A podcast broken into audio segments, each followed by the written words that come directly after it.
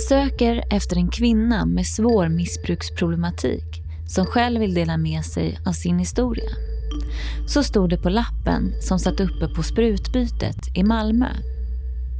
Jessica Nettelblad har under hela sin karriär som dokumentärfilmare intresserat sig för utanför-människor. Efter att ha sett lappen hörde heroinmissbrukaren Mona Lisa av sig och det blev början på ett åtta år långt filmande. Tidigt berättade Mona Lisa om hur hon som nyfödd var tvungen att behandlas för sin abstinens efter att ha legat i magen på sin missbrukande mamma. Trots att hon inte ville något hellre än att leva ett nyktert liv så fastnade hon i heroinets lömska grepp. Filmen har inte bara fått strålande recensioner utan har också öppnat upp för ett samtal kring missbruk. Aldrig tidigare har en kvinna med missbruksproblematik skildrats i svensk film. Ändå är Jessica noga med att säga att filmen inte handlar om en missbrukare utan om en människa som lider av missbruk. Jessica hoppas att filmen ska kunna nå ut till samhälle, politiker, anhöriga och andra missbrukare så att förändring kan ske inom den nuvarande bristfälliga vården. Kanske skulle vi kunna vända synen från att dessa människor är resurskrävande till att vara resurser som samhället borde nyttja. Men går det att vara så nära en heroinmissbrukare under så lång tid utan att själv utveckla ett medberoende?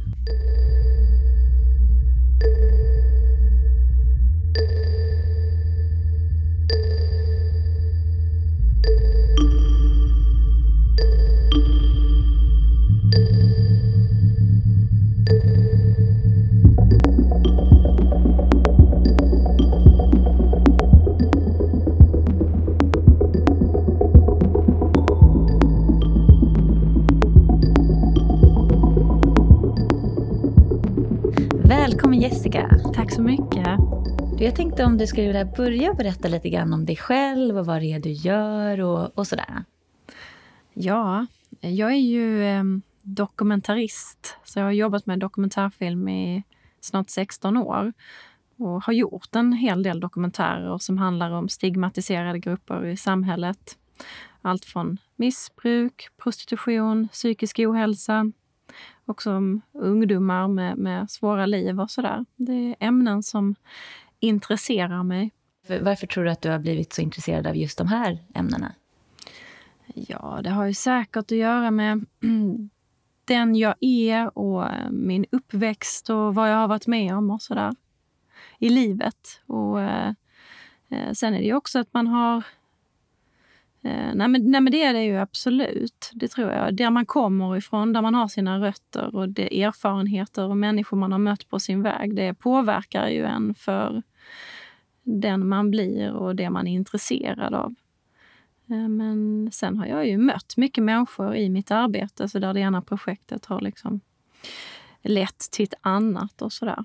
Eh, och jag intresserar mig för människor i marginalen på, som, eller som är, lever i stigmatiserade grupper helt enkelt. Men, men, eh, eller som är annorlunda eller eh, mm, det kan ju vara liksom allt ifrån musik till, till ja, men ett barn som växer upp i, i, i Thailand i Pattaya, hemlöshet och sådär. Men, men nej, men jag, jag, människor som lever i de här utanför utanför människor. Mm. Mm, det var bra. Men vill du berätta lite om Mona Lisas story? Vad är det för typ av film och vad handlar den om och sådär för de som inte har sett den? Ja, alltså Mona Lisas story, jag brukar säga kort så här, det handlar om kamp, kärlek och heroin. Men det är ju en um, kvinna som jag träffar för det är tio år sedan nu. Och um, jag hon, när jag träffar henne, jag sätter upp en lapp på sprutbytet i Malmö och så skrev jag söker efter en kvinna med svår missbruksproblematik som själv vill dela med sig av sin historia. Och så eh, tog det några, någon vecka eller några veckor så ringde Mona-Lisa mig och frågade om vi kunde träffas. Och då så eh, gjorde vi det. Och, eh, jag åkte, hon var i en kompis lägenhet på Rosengård och jag åkte dit och satt där och vi satt och pratade om livet och var människa i flera timmar och ehm, um, spelade Yatzy och drack te. och, och synkade väldigt bra och fortsatte att träffas och bestämde oss då för att vi skulle göra den här filmen. Och um, då um, sa Mona-Lisa till mig, det som var viktigt för henne var att vi skulle våga visa hennes verklighet som den var, rätt upp och ner, utan att sockra eller försköna, utan att eh, visa hur det är. För hur ska man annars kunna förändra eller förbättra för människor som är i min situation och för deras anhöriga som, om vi inte vågar visa verkligheten. Och, eh, så det har vi provat att göra. Så hade vi också det här utgångspunktet att vi skulle filma liksom tills det gick bra i hennes liv. Och det blev liksom åtta år filmning av hennes liv. Så att man får följa hennes kamp mot heroinet och beroendet. Ehm, men det är liksom också, det är inte bara en film. Det är en film som handlar om att vara människa och med allt vad det innebär. Familj, kärlek, längtan, drömmar, hopp sorg eh, och såklart eh, beroendet av heroinet. Var det en tanke redan från början att du skulle hålla på med det här i åtta år? Eller var det liksom filmen som krävde det för att du skulle komma fram till det som kändes att det var något slut på något sätt? Filmen krävde det, men sen är jag ju också intresserad av um, att jobba under långa perioder. Jag har ju gjort det i tidigare filmer också. Jobbat under, inte så länge som åtta år som den har tagit, men fem år uh, och sådär har jag ju gjort, filmat under. Jag tycker det är intressant vad som händer med en människa under en längre period. Hur vi utvecklas och både både vad som händer i livet men också hur man liksom hela tiden utvecklas även inuti i, med tankar och, och, och känslor. Och, eh, reflektioner över sitt liv och så. Så att jag tycker att det är intressant att skildra människor under längre perioder. Men den här filmen krävde det också. Men jag tänker liksom åtta år, det är väldigt mycket som kan hända då. Och en person som, alltså heroin är ju extremt, extremt, eh, alltså en dödlig drog verkligen. Var du aldrig orolig att, att eh, du skulle sluta med att hon dog på något sätt? Jo, alltså Ja, det är klart att jag var jag har varit jätte, det har varit mycket rädslor i det här projektet och mycket oro, absolut. Eh, men ehm, jag har hela tiden hoppats och trott. Och jag tänker att så länge det finns liv så finns det hopp. Och det och plus att vi har haft en väldigt fin respekt gentemot varandra. Vi har liksom kommunicerat, även när Mona-Lisa har haft det som svårast, så hela tiden ett samarbete och en respekt. Och, och vad ska vara med och ska det här vara med? Där är ju en scen i filmen som många frågar om eh, när hon injicerar på ett solaria. Och ehm, ja, men varför tog du inte sprutan från henne och, och sådär. Och, men jag arbetar ju som en etnolog. Jag skildrar ju hennes verklighet och den scenen var inte, det var inte den scenen vi liksom spelade in de första åren. Det kanske tog två år tills vi spelade in den scenen. Och då var det något också när vi hade diskuterat det. Det här ska vara med för det här är en del i min vardag. Jag menar injicerar man så gör man kanske det tre till fem gånger om dagen. Också om man går på, på eh, ett heroin. Men var det någonting som, som eh, du pushade för att du ville ha med? Eller var det hon som tog upp att det här är någonting vi måste visa också? Eller hur fungerar det? Det var liksom ett samarbete hela tiden där vi diskuterade saker. Är det här viktigt att ha med? Och, alltså att, alltså man pratar med varandra och, och så. Så att, eh, nej, jag har nog varit väldigt lyhörd. Har hon känt det här känns inte rätt och så, då har jag lyssnat på det och, och så. För att hon ska ju leva med den här filmen och det här är en film hon ska vara stolt över och kunna prata om och känna. Så det är jätteviktigt att det känns rätt för henne. Och um, Eh, så med det som är med. Så att hon är ju den som har fått se filmen först och fått tycka och tänka. Och just den scenen var faktiskt lite kortare också från början. Men hon sa, men visa hur det är. Hur ska folk annars i min situation känna igen sig? Eh, så, att, det är liksom hela tiden respekt och fint samarbete. I love her. Och jag tror vi har... vi, vi, vi tycker om varandra båda två. Liksom. Det känns ju väldigt viktigt. Jag tänker att det är lätt, eh, i alla fall när media skildrar liksom en, en person med missbruk eller, eller som har vuxit upp i missbruk och så, det blir ofta den här tragiska historien. Liksom, och att, eh, att det känns som att man mjölkar liksom, det saftigaste för att det ska vara lite så sensationellt. Ja, och det där är eh. jag allergisk mot. mm. Ja, men det, det märks och det tänkte jag på när jag själv såg filmen. Att, att det känns som att du har haft sån otrolig respekt och vördnad. Du har, det känns, vi pratade lite grann om klippning här innan du och jag. Eh, och just det här att det känns inte som att du har klippt för att ändra historien utan du har klippt för att den riktiga historien ska komma fram. Liksom. Absolut. Och att visa människan har varit väldigt viktigt för mig. Och sen har det varit viktigt att göra en film jag, jag, vem är jag att tala om hur saker och ting är? Det, det, intresserar inte mig. Men däremot att visa en verklighet som finns mitt ibland oss och som väldigt många människor lever i och, och är anhöriga eller har eh, ett beroende. Eh, och, ehm, så att, eh, jag menar, den här filmen har jag gjort för att lyfta det har varit viktigt för mig att visa att det här är en verklighet som är mitt ibland oss. Och sen att den väcker frågor. Hur ser vården och livsvillkoren ut för människor med beroendeproblematik och deras anhöriga? Kan vi göra bättre? Kan vi förändra? Och eh, bara det här med mamma-barn till exempel, jätteviktigt ämne.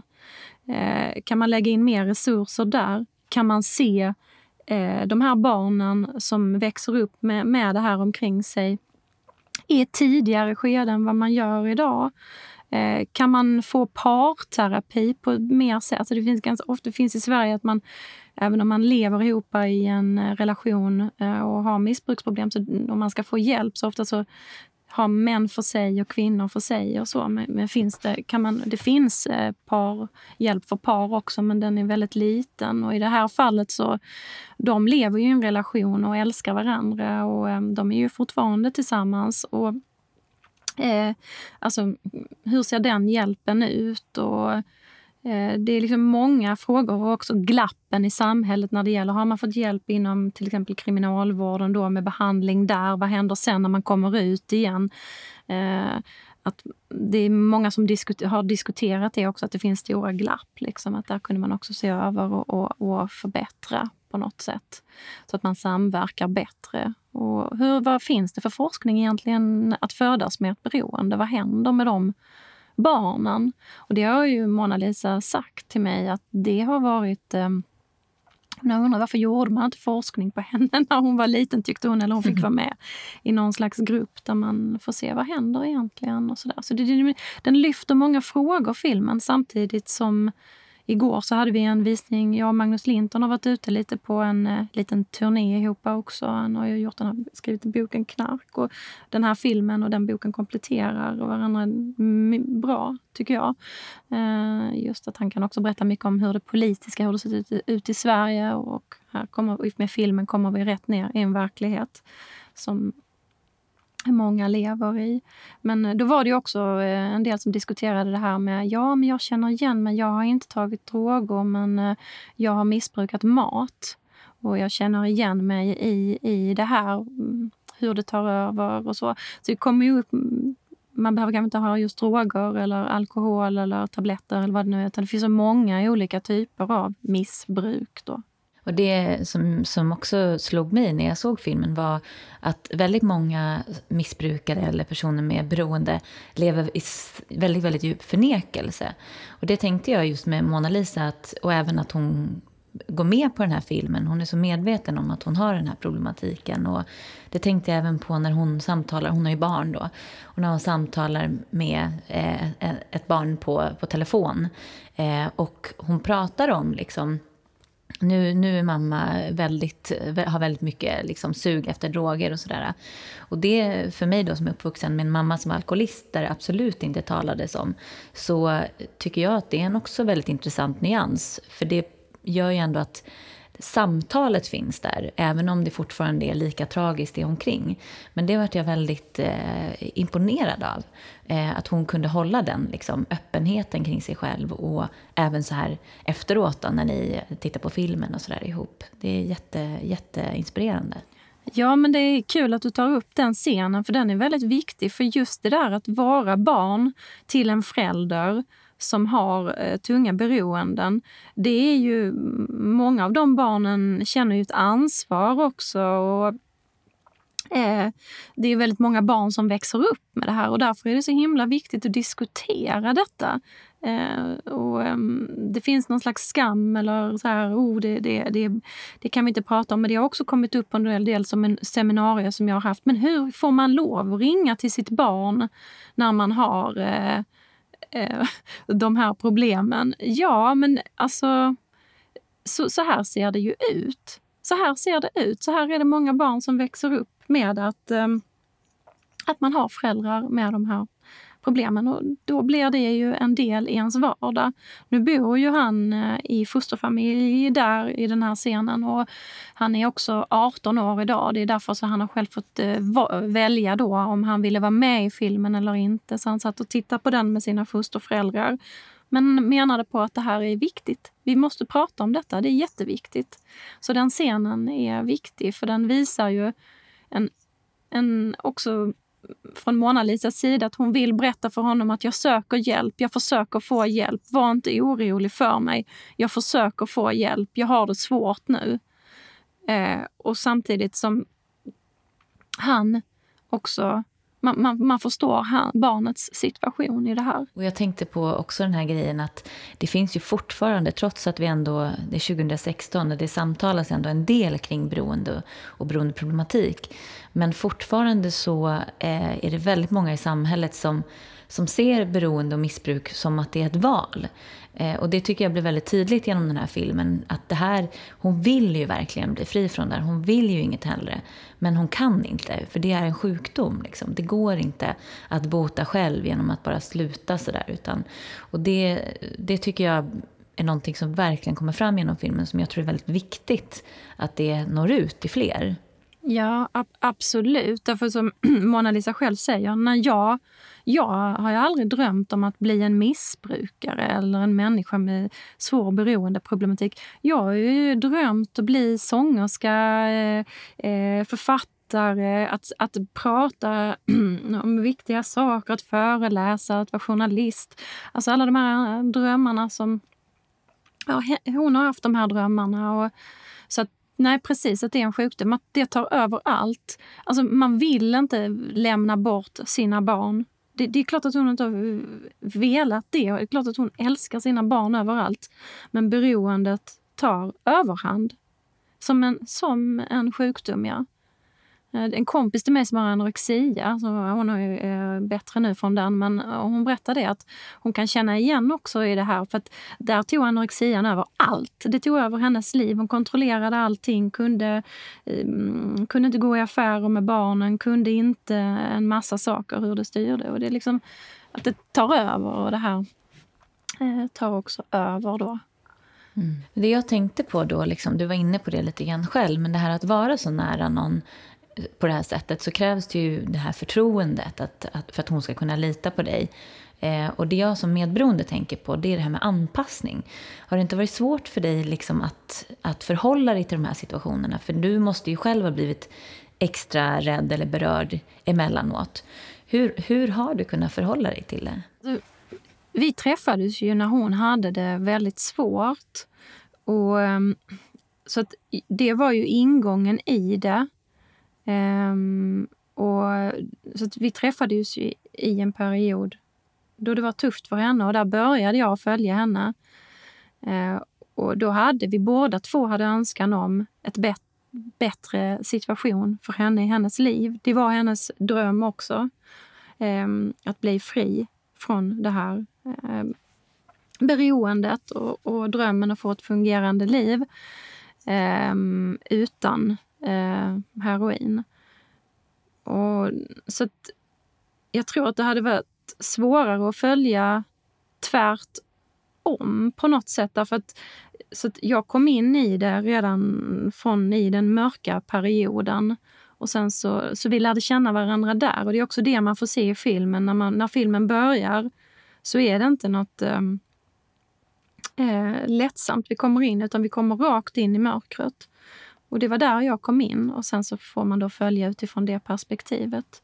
Jag vet inte, men jag tror att det kan ha eh, Jag lärde ju, det var ju liksom henne jag lärde känna där. Så att, um, men samtidigt så...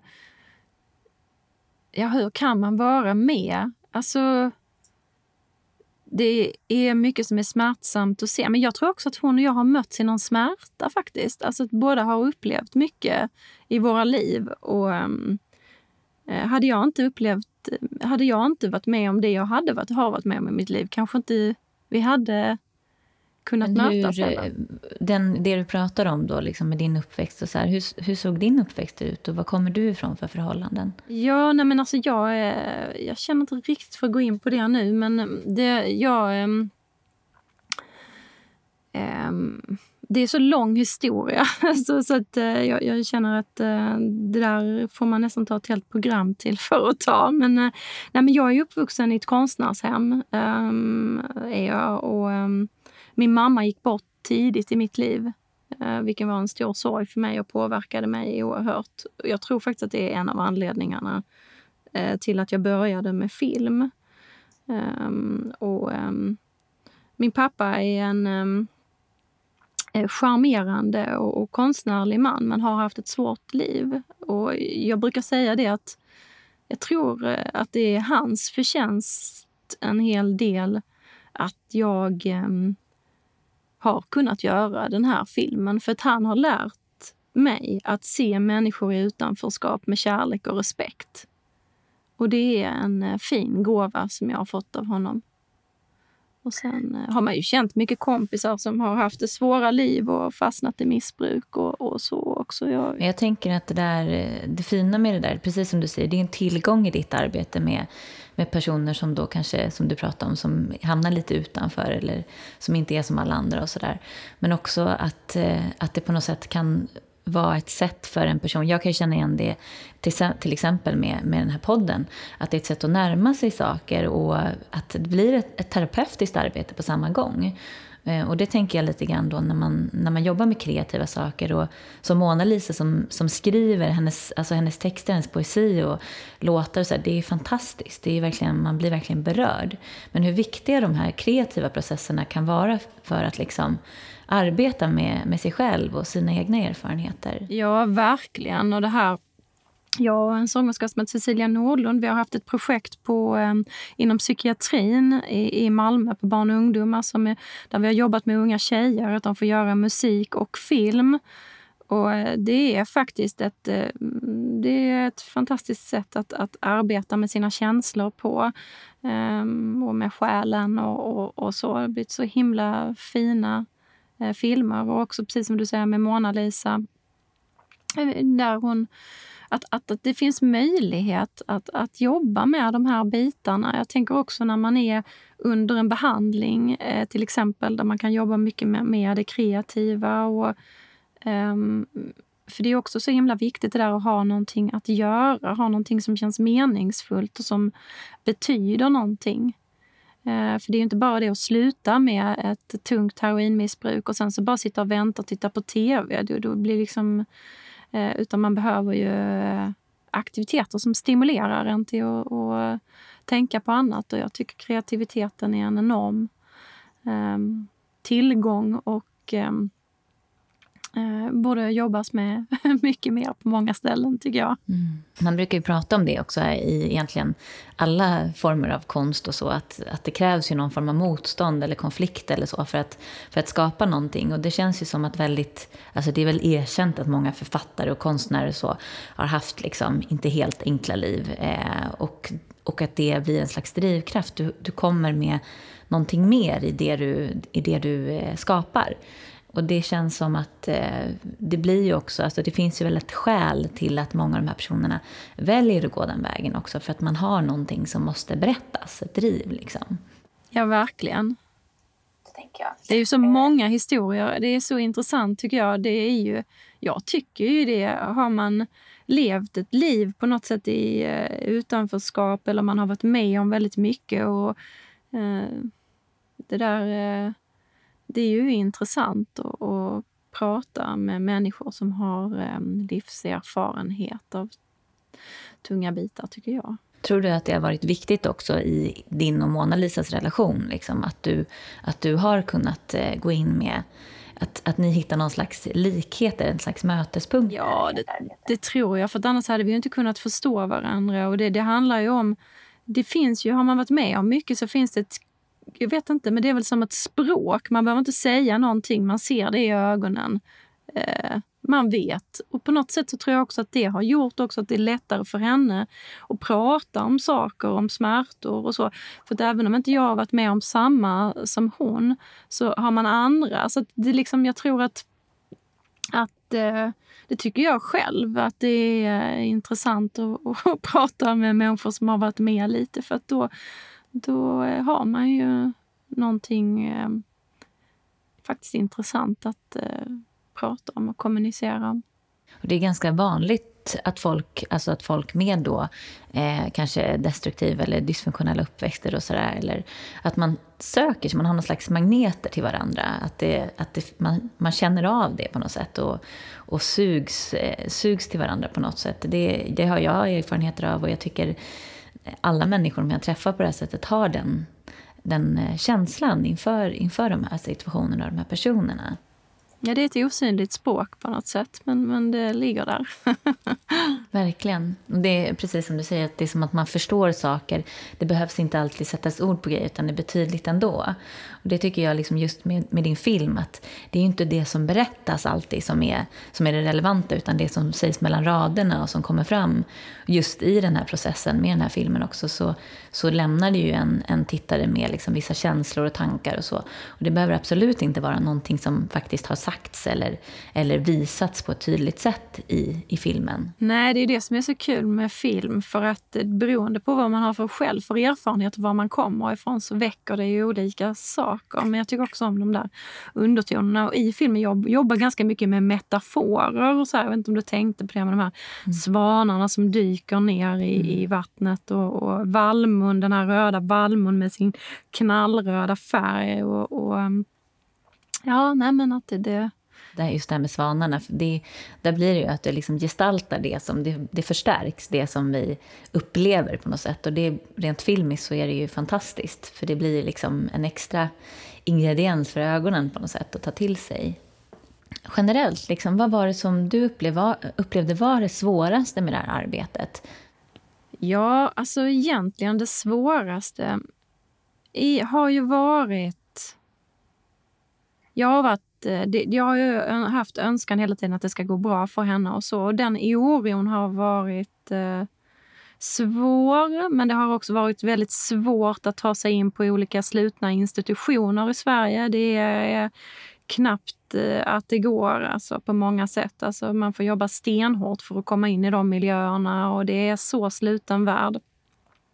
Vilket det är, eh, man kan förstå för sekretessen men man kan ju finna andra sätt där man kan inte behöver träffa andra som är där men de som arbetar där eh, på något sätt tycker jag det har varit väldigt eh, svårt att komma in i de här slutna miljöerna som inom LVM och eh, beroendevård och, och så, även socialtjänst och så. Eh, men men eh, det som har varit ehm, svårt det är att få ihop en sån här film ekonomiskt. Det är svårt. Det är väl eh, det, det, det, är väldigt svårt. Och sen tycker jag också innan filmen släpptes så var det, kändes det som att det fanns en hel del rädslor från olika håll ibland. Hur ska det gå? Vad ska folk tycka?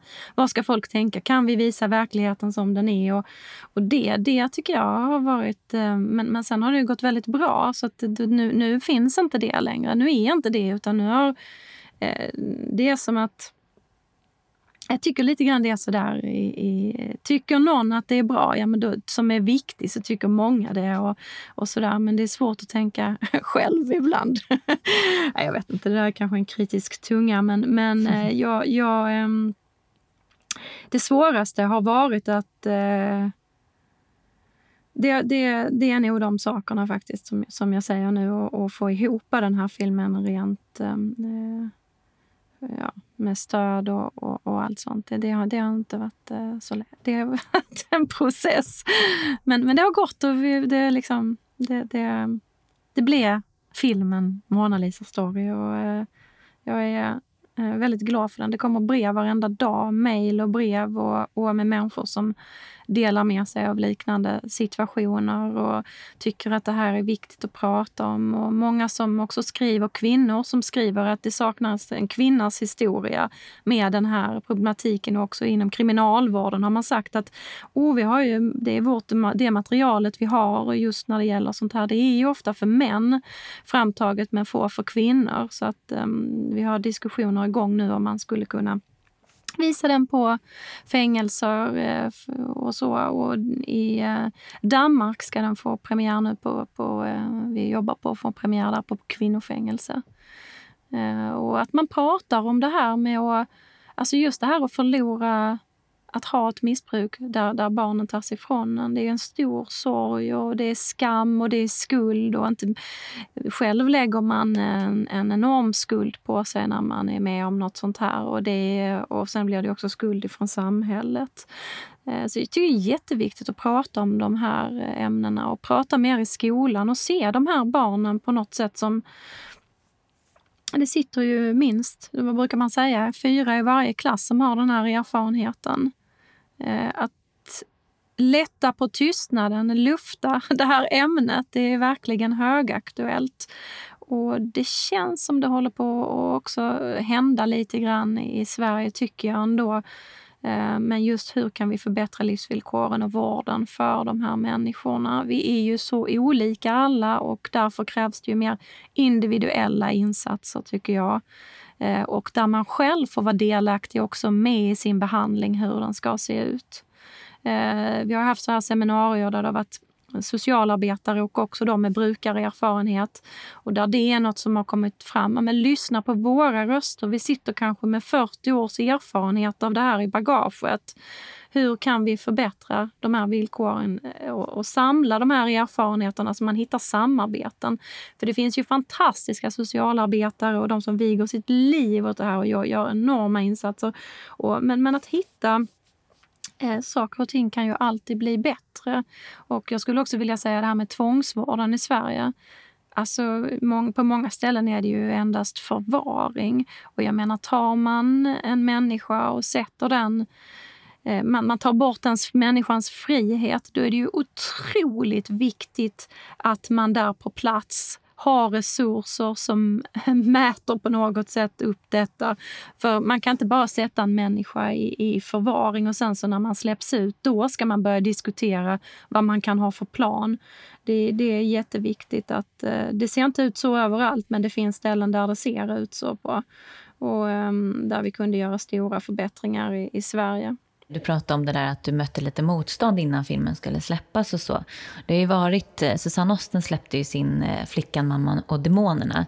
Och det har ju varit extremt mycket eh, diskussioner kring huruvida barn ska få se den här filmen eller inte. Och det är någonting, det är intressant att det finns hela tiden den här rädslan från samhället. Och det är väldigt sällan man frågar publiken, eller om man frågar, i det här fallet, frågar barnen hur de upplever det. Och hade jag varit liten och det hade kommit en sån här film som jag hade kunnat få se, som kanske jag och mina vänner hade kunnat se, så kunde det ha varit en ingång i ett samtal.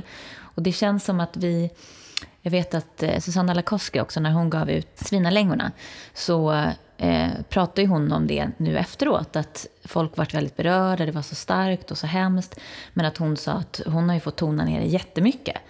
Medan nu då i, med April januari i Sverige så har hon kunnat liksom gå in mer på hur det verkligen var.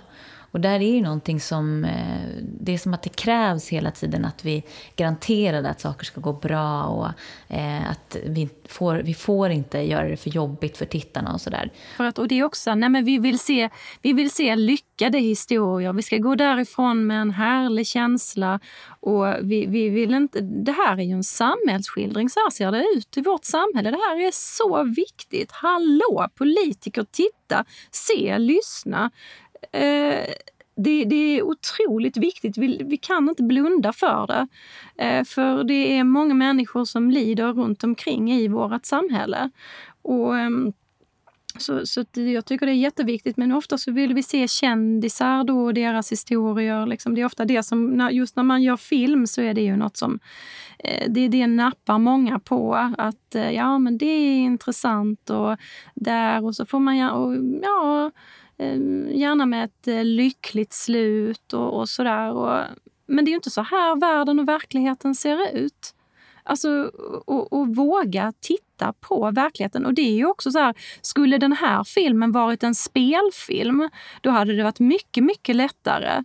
Men är det inte viktigare med verkligheten? För det är där vi kan förändra någonting och det där är intressant tycker jag. Och jag tror att vi, eh, jag har haft lite diskussioner med olika med forskare och så också kring att det är svårt att få, eh, få igång pengar till den här typen av forskning. Och vi samtalar kring det att det är nästan lättare för, för oss då som eh, personer i västvärlden att tänka åh vad hemskt det är borta i Afrika och de här stackars barnen och så, än att titta på sånt som ligger nära oss själva. För vi är väldigt många som har erfarenheter av det. Ja, men det är så mm. intressant det du säger. För jag satt faktiskt och tittade på, det tas ju in mycket filmer på tv om eh, ja, barnprostitution i Indien, Calcutta till exempel. Och det där kan vi titta på, hur, hur barn har det där och hur föräldrar har det, lever väldigt svåra liv. Men det är just när det kommer så nära som i vårt eget land. Men hallå, det finns runt omkring oss överallt. Det, det så att eh, det, det är som att då, då, nej, nej, nej, det vill vi inte se. Det, det, det är just som du sa också, i och med att det är så många som själva har någon slags relation till det här. Och även då du var inne på med psykisk ohälsa och så, att det är ju om man tänker snittar på alla former av beroende och psykisk ohälsa och sådär så eh, man borde ju i alla fall varenda person ha någon relation till någonting av det här. Och det påverkar ju oss alla. Men det krävs ju då kanske att man som person själv måste titta på, på sitt eget för att kunna liksom, ta beslut kring det här. Och då blir det ju genast jobbigare. Liksom. Ja precis, och det väcker ju känslor beroende på vad man har varit med om. Men just precis som du säger, att det är så många som har varit med om det. Det var någon statistik på alltså de som är eh, 600 000 såg jag någon siffra på som just när det gäller alkohol och droger. Eh, och, ehm, men då en kollega till mig, Björn Fries, eh, sa att, att det ligger på 900 000 som eh, har ett riskberoende så att säga med alkohol och narkotika. Så att eh, Nej, det, det är många, många som berörs av det här. Och det är därför det är så viktigt. Liksom. Men det krävs ju och jag tänker på det då, eh, film är ju det kost, det är kostsamt, liksom. det kostar ju väldigt mycket pengar. Men det måste vara svårt då, tänker jag, just med dokumentärfilmer, för du har inget uppenbart, det här är så det kommer sluta. Utan, och processerna är så olika. Och, och det, det är klart att det är svårt, men det är ack så viktigt. Ja, det är ju det. För det, det är ju, nästan man kan säga, den här filmen är ju forskning också. Eh, för att eh, det är ju åtta år som jag har följt hennes liv i det livet hon har haft. Och, och, just att man jobbar som en etnolog, att man är där, man lär känna människorna i hennes miljö, de som hon har omkring sig. Det är ett värdefullt forskningsarbete för politiker att ta del av när det gäller de här frågorna. Eh, för det är ju många som tycker och tänker om olika saker men det är ju också att våga, våga gå in i den verkligheten och verkligen se hur det här... Så att eh, Mona Lisas röst, hon talar ju för eh, många som är i samma situation som hon.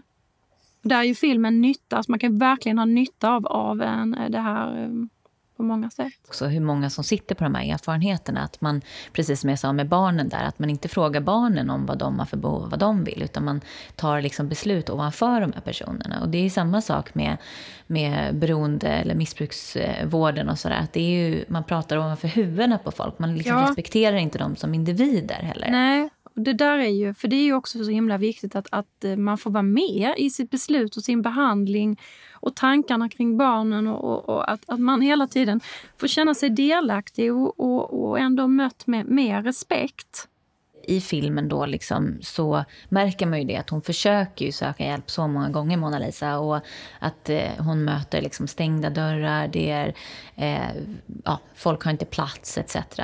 Och eh, hur det försvårar då för en person som när man ändå har tagit det beslutet. Och att den hjälp som finns, det finns inga garantier riktigt för att den är eh, att det verkligen hjälper, att det verkligen är vad de här personerna behöver på riktigt. För det var ju ändå så att hon var i kontakt med eh, olika typer av eh, behandling och hjälp och sådär. Var det någon av de här som du kunde se var lite mer effektiv än någon annan? Det är ju så svår, svårt att säga, men... men um, eh, alltså hon själv fick ju väldigt bra hjälp faktiskt i kriminalvården för att hon fick en behandling där som var väldigt bra för henne. Och, och eh, hon hade också de som jobbade där eh, tyckte hon var bra. Så för henne fungerade ju det, men det är inte alla det. Eh, det hamnar beror på var man hamnar.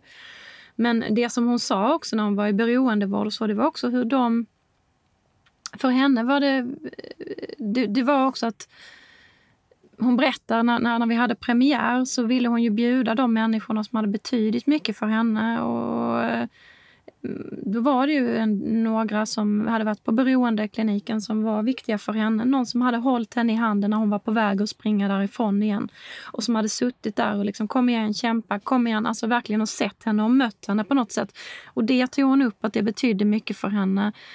Um, och i, i, den behandlingen hon gick då. Hon fick också jobba mycket med ja, jag tror också att hon, när hon har fått ha med kreativitet att göra och sådär så har det varit viktigt för henne. Eh, men, eh, men det där att någon bryr sig och någon ser. Det var också någon polis som var väldigt viktig för henne, som hon har pratat jättemycket om. Som när hon hade en väldigt svår situation i sitt liv såg henne och, och liksom, ja, men hjälpte henne på, på olika sätt. Eh, och, och, men också hon har mött Eh, raka motsatsen också och blivit spottad på och, och ehm, fått massa glåpord skrikit efter sig och sådär. Men ehm, jag, ehm, jag kan kanske inte svara exakt på vad, vad det är för eh, vilken, om det finns en enda behandling som hjälper eller sådär. Jag tror det är många olika faktorer som spelar in. Jag tror att det är viktigt eh, jag tror det är viktigt med eh, att ha något vettigt och viktigt att göra, en sysselsättning som man trivs med och eh, att man har bra stöd runt omkring sig på olika sätt. Ändå det finns någon form av eh, liksom, att man, att något, något mål, att man vill det här eller så. Du sa det där med polisen, att det är väldigt många av de berättelser som jag möter och så, så kan det vara en person, att den personen har spelat så otroligt stor roll. För det finns hela tiden att det är svårt. Och, och framförallt som barn, då, om man tänker så, så är det ju svårt att hitta någon att känna sig trygg med och anförtro sig. För ofta så är det väldigt många som vänder en ryggen. Och att, då, eh, att det kan vara en lärare eller en social tant liksom, som, som står fast där och som, som verkligen inte viker utan kanske inte kan göra så mycket praktiskt men som ändå finns där och lyssnar. Ja, men och det är så viktigt och de människorna glömmer man ju aldrig. Men däremot de som pratar ovanför huvudet och snackar med andra om hur hon eller han eller man själv är eller så. Det där är, gör ju ont. Men, men när någon möter och, och, verkligen är intresserad av att hur är det med dig, kan, jag ge, kan vi hjälpa dig på något sätt? Eller liksom att man, man känner att det där intresset finns där och det finns en välvilja. Det, det, det tror jag, det, det, glömmer man inte. Man, det tror jag de flesta människor som har varit i de här situationerna känner det när det är på riktigt eller så. Men det är ju aldrig kul att bli pratad över huvudet på. För det är någon scen där i filmen där eh, det känns som att eh, Mona Lisa var i kontakt med något tolvstegsprogram och så. Det är väl första gången som jag ser att hon ändå känns så hoppfull. Och det var väldigt fint ändå att det kändes, eh, att någonting ändå kändes positivt och hoppfullt i hennes ögon på något mm, sätt. Mm. och vikten av det. Och Det är jätteviktigt att, att, att hitta det. Och liksom, um, men, men också att, att det, finns då Eh, som Mona Lisa sa i Malou när hon var med där, att hon har eh, sponsorer. Men att man har någon att prata med sen, någon som kan hjälpa en. Att det är viktigt med de här eh, stöd runt omkring sig, vad det nu än är för väg man väljer liksom, i, i behandlingsform. Ja, för där är det ju verkligen en person då som osjälviskt kanske stöttar. Och det är, ibland kan ju det räcka för att, för att liksom leva vidare, att, att se något slags hopp och så. Men det jag tänkte på är ju då när hon, Mona Lisa träffar ju då en kille i filmen. Och de, det känns verkligen som att de på en gång bara sugs upp i varandra och det blir verkligen en sån här symbios. Och det är ju å ena sidan väldigt vackert att se deras kärlek och så. Samtidigt som jag då utifrån medberoende perspektiv också kan se hur otroligt giftigt det här kan vara också för ett tillfrisknande. Att det, att det hela tiden är den här att en personen blir liksom räddare, den andra personen blir sjuk. Och så kan man hålla på så där i evinnerlighet. Och att, att det inte blir någonting som kan komma in där och röra om tillräckligt. Hur upplevde du den relationen, du som var så nära? Mm, alltså från början, det var ju jag och Mona-Lisa som hade, då hade vi ju filmat ganska många år själva och så kom helt plötsligt Fredde in i bilden och jag var ju väldigt skeptisk först. Tänkte jag, ha han var skeptisk mot mig.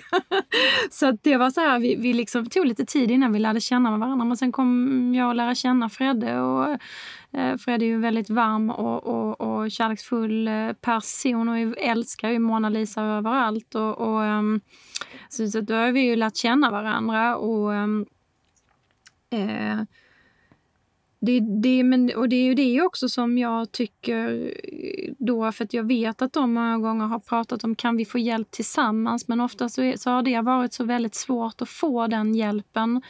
Um, och, um, och det är då jag har sett att ja, men hur ser det egentligen ut i Sverige när det gäller hjälpen för par som lever ihop. Och jag har också träffat andra par som har hållit ihop hela livet. Så att, ja, eh, angående det så tänker jag att det ska finnas eh, hjälp att få för eh, par som verkligen vill komma ur det här och som vill kämpa med sin relation. Och såklart även det andra om det inte fungerar där man drar ner. Om man märker att nej, men, nu drar eh, de här personerna, eller de märker själva att de drar ner varandra hela tiden, så, så är det ju viktigt att det finns en annan typ av hjälp såklart. Ofta så är det ju att man kanske själv måste ta itu med sitt, alltså bli avgiftad etc. Och sen är det ju så att man själsligt måste läka ganska mycket för att det ska kunna vara långsiktigt. Men det jag, det jag tänker på där du sa med, med relationen och så, att det är lite samma sak med familjerelationer. Att, eh, att det kan inte riktigt stanna vid att en person blir nykter så att säga eh, och sen är det bra. Utan det finns så många relationer och man brukar säga det att beroende är en relationssjukdom. Och det är ju för att det påverkar alla omkring den här personen. Och där vikten av att för att då kunna varaktigt, eh, alltså fortsätta vara nykter och leva nykter så krävs det ju kanske att man får hjälp även som, som familj. Eller ja, som verkligen. Och där önskar man ju att det fanns också mer resurser att jobba med för att eh, det är jätteviktigt att alla på något sätt får eh, den typen, men också individuella stöd som, som man behöver för sig själv. Kunde du se att, att barnen fick något stöd någonstans ifrån? Alltså det som har varit här är att barnen har haft fantastiska fosterföräldrar. Eh, och det eh, det tycker jag verkligen. Alltså. Och det är ju så, där är ju så himla viktigt. Hur ser fosterföräldrar att, att man faktiskt verkligen är noga med det. Liksom, så att, eh, för, för fosterföräldrarna får ju en enormt viktig betydelse. Eh, så att eh, man har ju hört skräckexempel också. Och det, det, det är jag Ja, men ja, de, de har haft det bra mm, i alla fall. Och de har också haft en, en kontakt med eh, Mona Lisa och sådär. Vad skulle du säga liksom var den största upp, överraskningen för dig under filmen? Jag tänker att det är ju, du har inte någon så här mall, liksom, så här kommer det gå. Är det någonting som, som du har med dig ganska starkt som, som överraskade dig eller som, som förändrade dig? Eller så? Det som har överraskat mig är faktiskt hur vården ser ut i vårt land. Jag trodde faktiskt att den var mycket... Jag trodde att den såg så... Äh, äh, att det, det var mycket bättre Ehm, det trodde jag. Det, det måste jag säga. Eh, och det, med det menar jag inte att det, finns de som är fantastiska som arbetar med detta. Det finns fantastisk vård i Sverige. Men det finns också ställen där man verkligen borde granska och, och se, fungerar det här och är det här bra? Och, ehm, eh, för, för människor eh, egentligen. Är det här mänskliga rättigheter?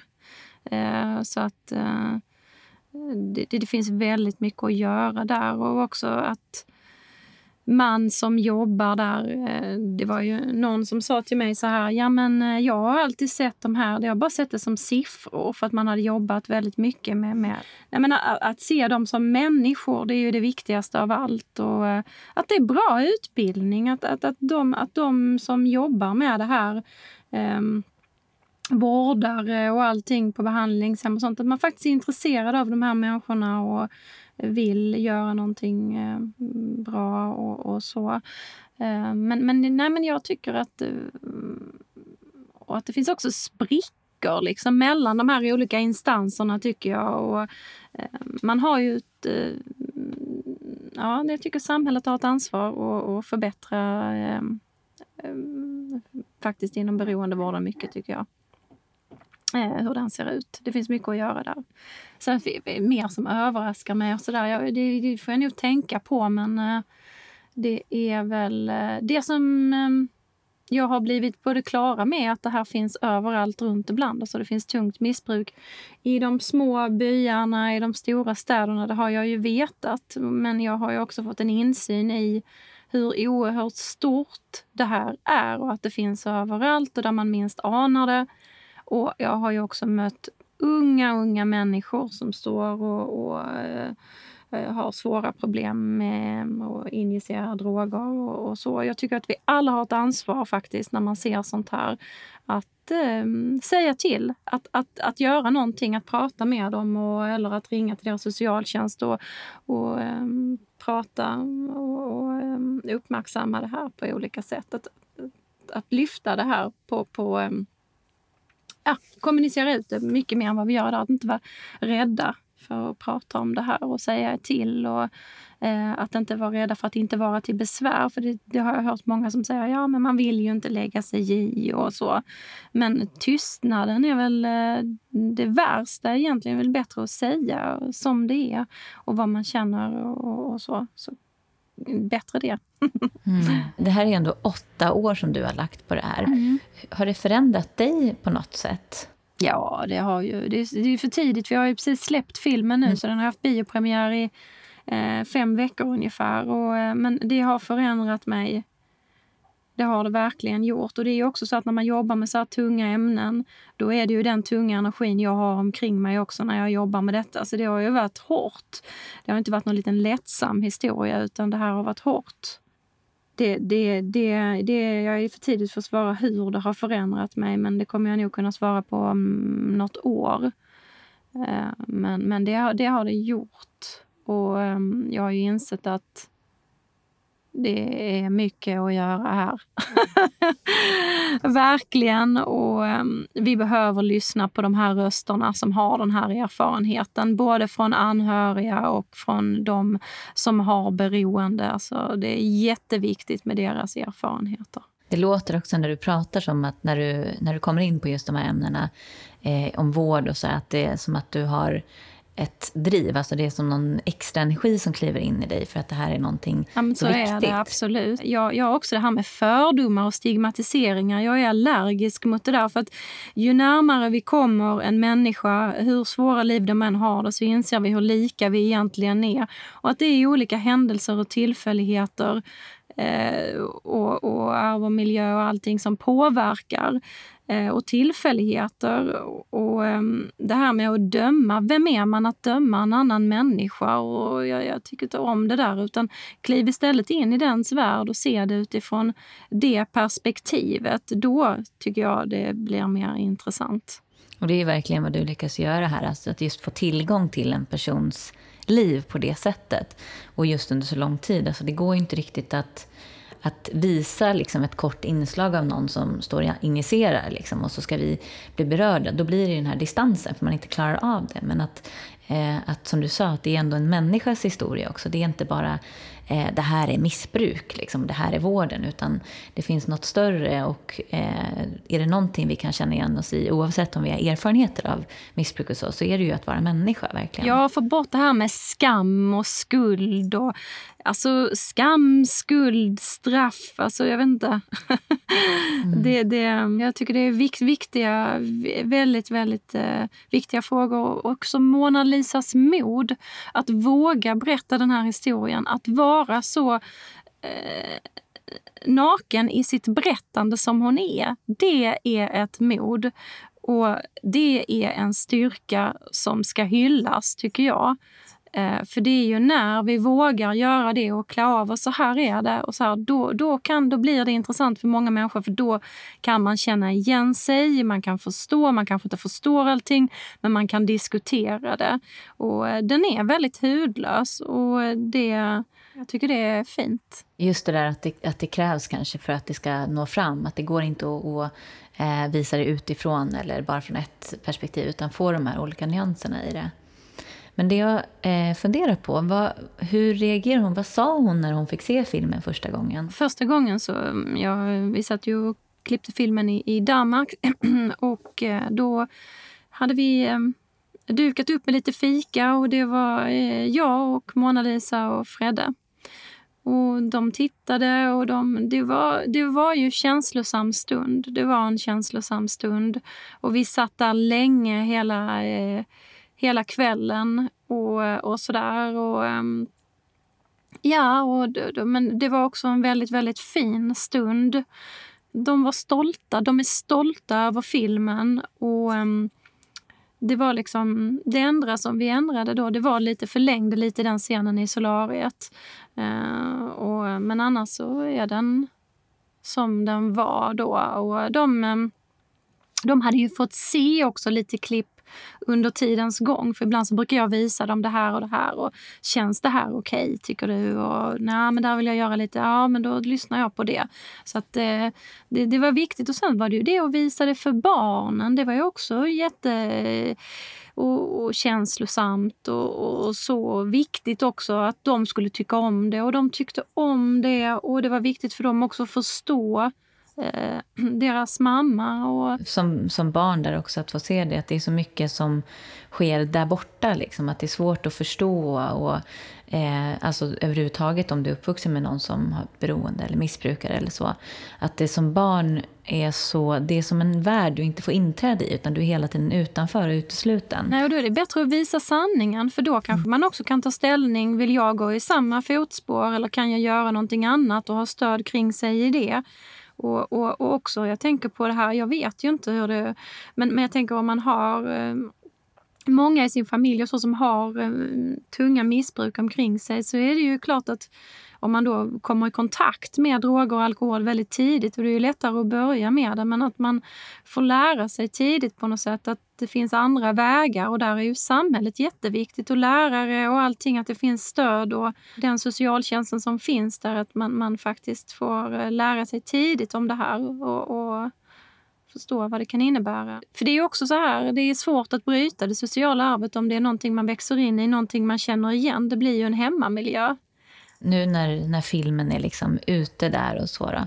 Jag tänker att Mona Lisa själv måste ju få ganska mycket, alltså att hon måste ju få uppmärksamhet, att folk känner igen henne och så. Ja. Har ni pratat någonting om det? Och... Ja, vi har pratat jättemycket om det och också att det är jätteviktigt att hon ska vara med på det hon vill vara med på och eh, att eh, det är också viktigt att um,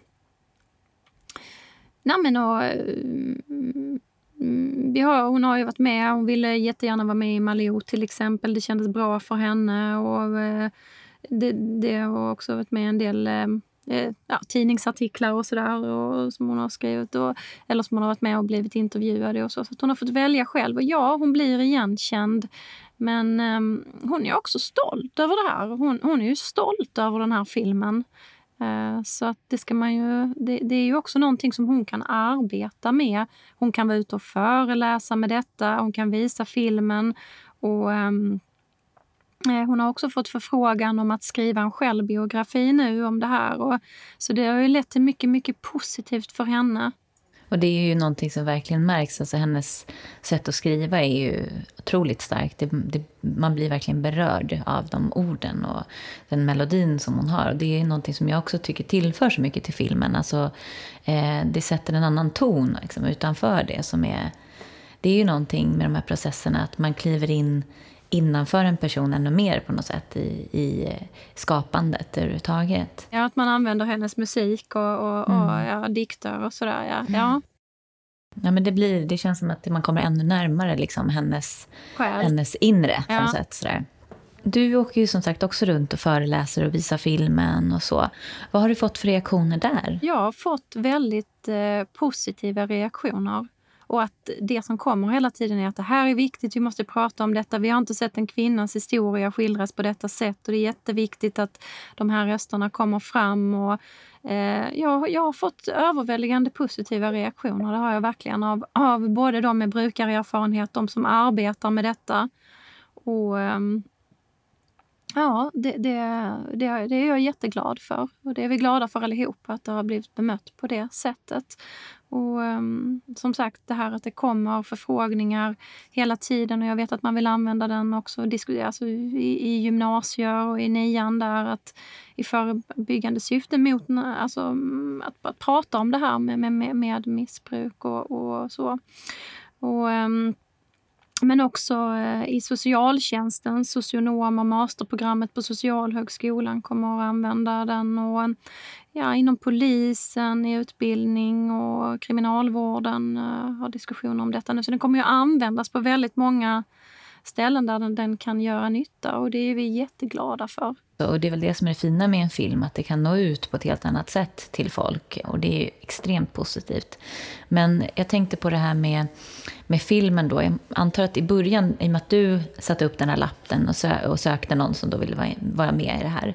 Vad hade du för tankar? Vad var det för film du ville göra då? Ja, alltså för mig så började det egentligen redan 99. För att jag var, då fanns det på den tiden ett café som låg under Slussen som där många hemlösa samlades.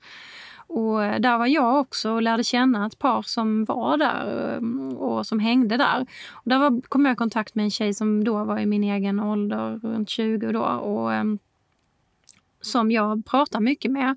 Och hon hade en liten son också och eh, jag träffade inte honom men vi pratade mycket om det. Och hon gick ju på heroin, tungt missbruk och också eh, försvann. Alltså hon, hon tog en överdos. Eh, och och då gjorde jag foto, en fotoutställning som handlar om hemlöshet. Och där, då och vårt möte påverkade mig oerhört och att hon gick bort där, det, det berörde mig starkt. Och redan där tror jag att jag bestämde någon gång att jag skulle berätta en, en sån här historia, att det var viktigt. Det, det kändes så. Och sen så Eh, kom jag in på filmskolan då med det här eh, arbetet och sen så gjorde jag en film om, som heter Vägen till Pärleporten, första filmen, som handlar om eh, en hemlös som jag följer i Göteborg. Och han eh, var väl också, egentligen brukar jag säga att han var min största läromästare faktiskt inom dokumentärfilm. För han sa till mig att för att skildra någons värld, Jessica, så är det viktigt att vara där och bli den världen för ett tag och lära känna människorna som lever där. Först då kan du skildra eh, min värld med, med liksom rätt eller med respekt. Och det där tog jag med mig. Och då, jag filmade väl, vi filmade väl honom ungefär i tre år. Och det, då, um, så att jag lärde mig mycket av honom. Och sen så blev det när jag flyttade tillbaka till Malmö att det var mycket skriverier i tidningarna. Det här är ju då slutet på 2006 ungefär och då, då var det mycket skriverier om att ska vi ha sprutbyten eller inte? Det är väl... Eh, det var liksom kontroversiellt ämne då. Och, eh, Ja, och då, då gick jag till sprutbytet och pratade med eh, två sköterskor som jobbade där, Britta och Tina, och eh, fick fin kontakt med dem. Och eh, såg deras arbete eh, som var så viktigt med de människorna som kom dit och de eh, Eh, för att eh, slippa, alltså om man inte har rena sprutor, alltså har man eh, inte rena sprutor så sprids ju en massa olika blodsjukdomar och, och, och, det blir infektioner och så. Och på sprit med rena verktyg så slipper de ju det och det också det här med att eh, kunna få hjälp om man behöver prata med en läkare, få möjlighet till att komma eh, i behandling om man behöver, att hela tiden ha en kontakt som är viktig. Och, och då, Britta och Tina de såg eh, människorna som kom dit och på ett väldigt respektfullt sätt. Så, då, så då, då blev det ju det att ehm, att jag berättade om att jag ville göra en sån, ett sånt här eh, porträtt och att det var viktigt för mig eh, om de kände någon och sådär liksom, som de trodde skulle vara intresserade av detta. Så redan där så började jag prata med dem om det och så, så, fick jag ju då lov att sätta upp den här lappen. Och då pratade väl de med några olika och så, men så blev det då att eh, Eh, jag tror till och med att det var någon annan som hörde av sig till mig, men, men det blev inte något vidare med det. Och så, så blev det att jag, just när jag träffade Mona-Lisa, Mona-Lisa och jag, vi hade en, och vi har en kemi. Eh, och det hade vi på en gång. Och det där är också viktigt, att man känner att det finns en, det finns en energi emellan som, som jag är intresserad av att veta vem du är. och, och att det är på riktigt och den har funnits där hela tiden.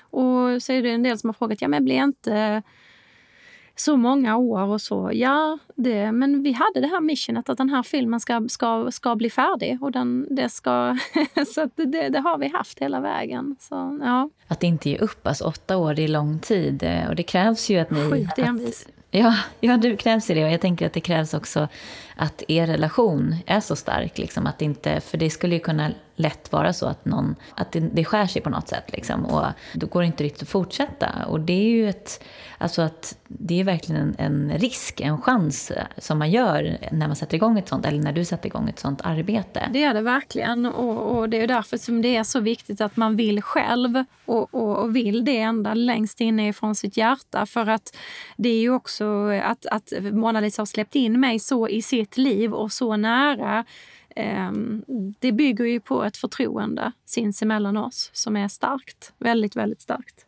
Och med respekt. Och mission också, att vilja någonting, att vilja berätta någonting och visa hur det här faktiskt ser ut. Och det märks ju. Jag tänker nu, nu åker du visserligen runt och föreläser, men jag tänker att det blir ju som filmskapare ändå att du hamnar bakom historien så att säga. Att du inte står där i frontlinjen. Och för mig då som, eh, när man har sett den här filmen och det är ju, man blir otroligt berörd av Mona Lisas process och så. Men det är säkert lätt, för en person tittar ju bara en och en halv timme, check, sen så går man vidare i livet. Men för dig har det här varit en så stor process i ditt liv. Så jag tänker att den grejen också för mig blir ju viktig i det här fallet. Alltså att lyfta fram. För du sitter ju också på en fantastisk kunskap. För du kanske också har varit nykter under den tiden där du har stått bredvid. Och att den, den kunskapen utnyttjas likväl som, som eh, Mona Lisas kunskap och så. Vi ska visa filmen i Almedalen nu, det ser jag fram emot. Det var ju bra, Jag hoppas att det kommer mycket journalister och politiker dit. Så här efteråt, är det någon, var det någon stund där du tyckte det var liksom riktigt, riktigt jobbigt. Alltså nu pratar ju du om den här scenen när hon injicerar och så. Men ibland kan det ju vara så att det är scener eller att det är upplevelser med, med anhöriga eller så. Det, har du något minne av det som liksom sitter djupast i dig så här efteråt? Barnen är ju alltid... Eh, de, de, man tänker ju på dem ju och, och, vill att det ska gå bra för dem och att eh, eh, de ska ha en fin relation tillsammans. Det är ju Mona Lisas största smärta och det är klart att den smärtan eh, känns. Och, eh, jag tycker det, men jag tycker det är så många barn som eh, har det här omkring sig. Och, eh, hon sa ju till mig också, Mona Lisa, att den här filmen är också till dem. Att de ska förstå, att få en förståelse för mitt, mitt eh, liv. Och även om de inte får en förståelse, att, att liksom ändå veta någonstans ja, sin mamma. Liksom. Så att vad, vad är det för liv mamma har? Har hur har hon haft det och, och hur har det varit? och så. Att det, andra scener som är... Det är ju svårt att se när människa skadar sig själv. Som jag och Mona-Lisa har pratat om, det finns ju också en slags självskadebeteende i det här. Och svåra sår i själen tar tid att läka och, det, så här, och hitta rätt sätt att behandla dem på, på något sätt. Våga möta smärtorna inom sig men uh, hitta verktyg för att hantera det. Liksom, för att inte falla tillbaka till heroinet, att aldrig glömma var man kommer ifrån. Det är väldigt viktigt, alltså, för det, heroin är väldigt svårt. Under de här åtta åren, det är ju väldigt lång tid. Var det inte svårt liksom för dig att låta bli att gå in och hjälpa och styra upp i Mona Lisas liv? Jag har ju hjälpt henne eh, på, på väldigt många sätt. Ehm, jag har ju så mycket material i den här filmen. Det är ju inspelat över 350 timmars material och utöver det har jag ju träffat Mona Lisa många, många gånger och pratat i telefon åtskilliga eh, tusentals timmar. Så att det är många gånger jag har kört henne till behandling, sen avgiftning, men, men jag är ju inte själv med i filmen så det är ju ingenting jag har valt att, att ta med och visa. Men ehm, sen är det ju också så att Eh, jag har ju också vi har ju haft väldigt fint samarbete hon och jag, och, vilket gör att och en respekt. Därför när, vi har, alltså när det har varit någonting, när jag har varit orolig för Mona Lisa, då har jag ju kommunicerat det med henne. Och och eh, också frågat henne, är det okej okay att jag ringer din socialsekreterare nu? För att jag är orolig för dig. Jag skulle också vilja, eller jag skulle också vilja tala med din läkare. Eh, och, eh, och då har jag kommunicerat det med henne och då har hon sagt ja, ring. Eh, och då har jag ringt dem och sagt att ni måste göra någonting. Jag är orolig och, och, och så. så att, ehm, men, men Mona Lisa har alltid varit medveten om de gångerna jag har gjort det. Så vi har liksom haft den kommunikationen hela tiden. Och sen är det ju också så att eh, hon säger själv att det också har hjälpt henne att, att ha någon att prata med som inte är i den världen, som inte håller på med, med missbruk utan som är där för henne. För jag, jag är ju där för henne och lyssnar på henne. Och, ehm, men men ehm, sen tycker jag också att filmen, genom att vi har gjort filmen så eh, får hon ju också prata om, om, om sin situation och, och sitt liv. Och det, det, det tror jag också kan finnas någonting eh, helande i det. Att, att, eh, och, och, också en reflektion eh, för henne själv. Så att eh, jag tror att eh, jag har hjälpt henne oerhört mycket. Men ehm, hon har också hjälpt mig att förstå hennes värld och förstå henne och hur hon fungerar genom att hon har liksom varit så ärlig och släppt in mig i sitt liv. Men, men det bygger på en respekt mellan henne och mig eh, på högsta möjliga nivå. Ett givande och tagande och respekt och kärlek. Ja, för vi pratade ju om det lite tidigare här. Just det här att en person, alltså för en person som går igenom massa tuffa saker, så kan den här enda personen, den här enda läkaren, den här enda socialkvinnan eller den här enda läraren eller vad det skulle kunna vara, kan göra så stor skillnad i en sån här persons liv. Verkligen. Och då, då, tänker jag, tror du att, att du kan ha varit en sån person för Mona Lisa? Alltså att jag har påverkat Mona Lisa, det är jag ju helt övertygad om att jag har gjort. Och att hon har påverkat mig, det är också så. Så att det är precis som jag sa, det är ett, det är ett möte mellan oss. Och den här filmen, alltså det är ju ett samarbete. Hon vill berätta sin historia, jag vill berätta hennes historia.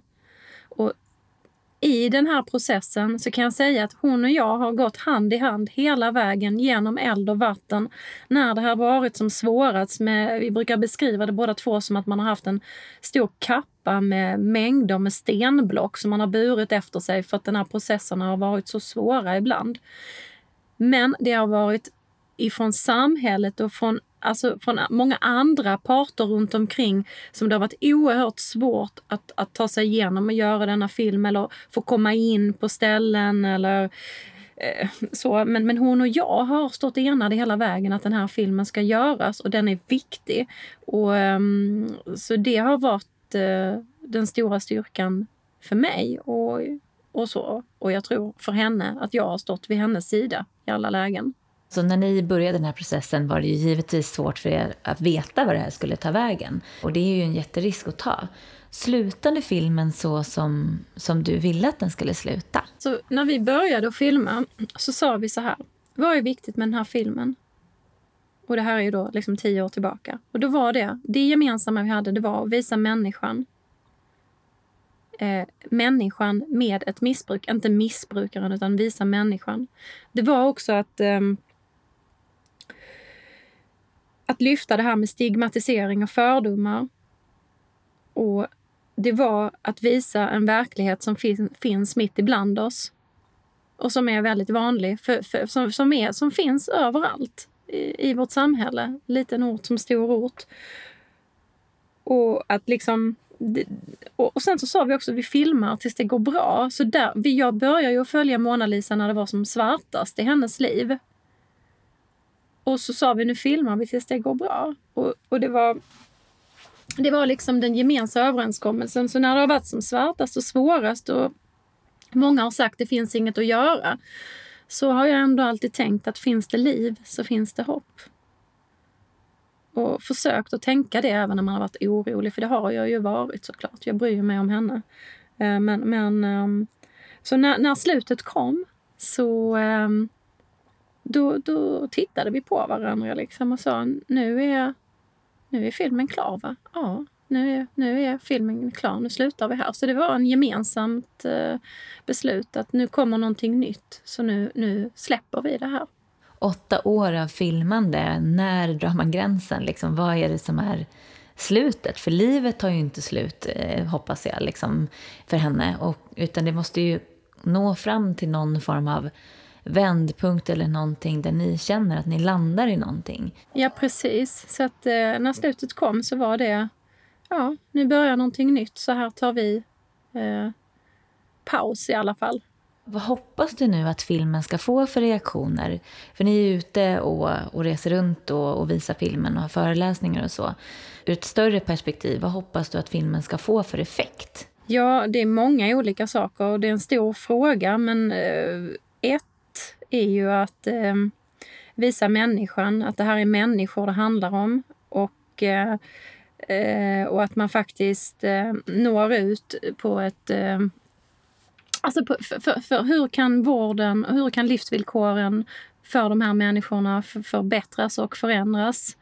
Eh, och eh, att att diskutera detta på en politisk nivå. Också för att man skulle kunna använda den här filmen på så många sätt inom socialtjänst, inom polisutbildningar, inom kriminalvården, inom eh, behandlingsvården.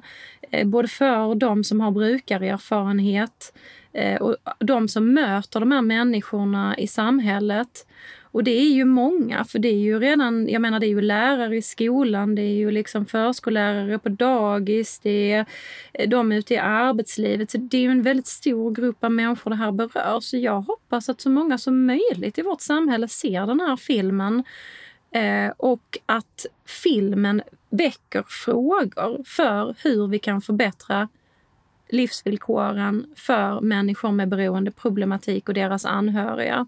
Och att man börjar prata om detta mer så att det inte är så hysch-hysch och eh, stigmatiserat på något sätt. Och, så jag tror det är jätteviktigt att, att vi börjar prata om detta på många olika plan.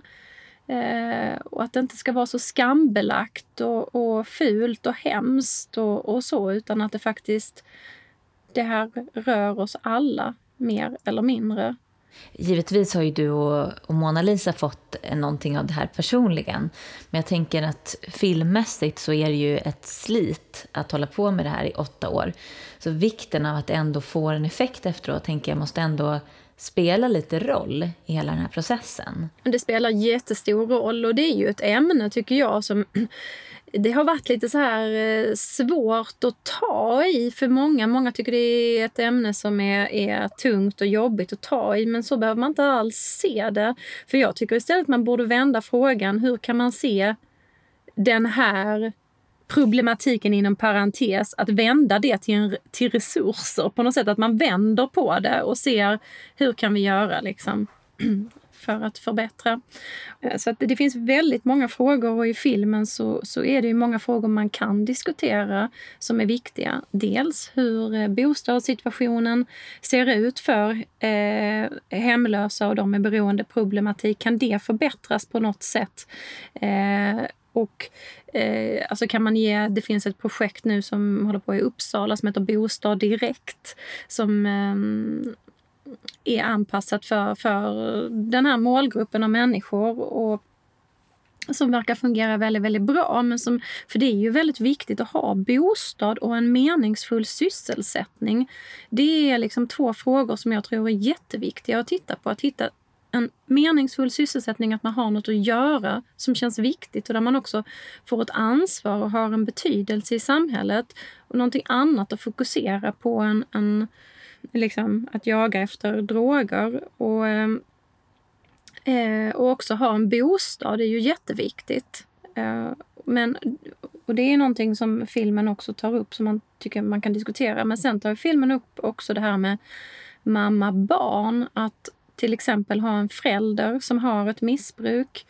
Eh, att vara anhörig till någon som har ett missbruk. Den tar också upp det här med att födas med beroende. Vad händer egentligen? Vad är konsekvenserna i Sverige idag? Har vi inte forskning på detta? Vad händer med de barnen som föds med ett beroende? Ehm, um, var, var, alltså att man gör en långsiktig forskning, man kanske har följt eh, barn som föds med, med beroenden under många, många år. Vad händer? Fastnar de i ett beroende sedan? Det är också mer forskning man kunde göra. Och Det är också någonting som Mona-Lisa har efterfrågat. Varför gjorde man inte forskning på detta? Och, alltså så att man lär sig om att, man kanske, om man har föds med ett beroende, om det är så att det påverkar sen, att, att man får verktyg för det, att man får vetskapen om att man har det här.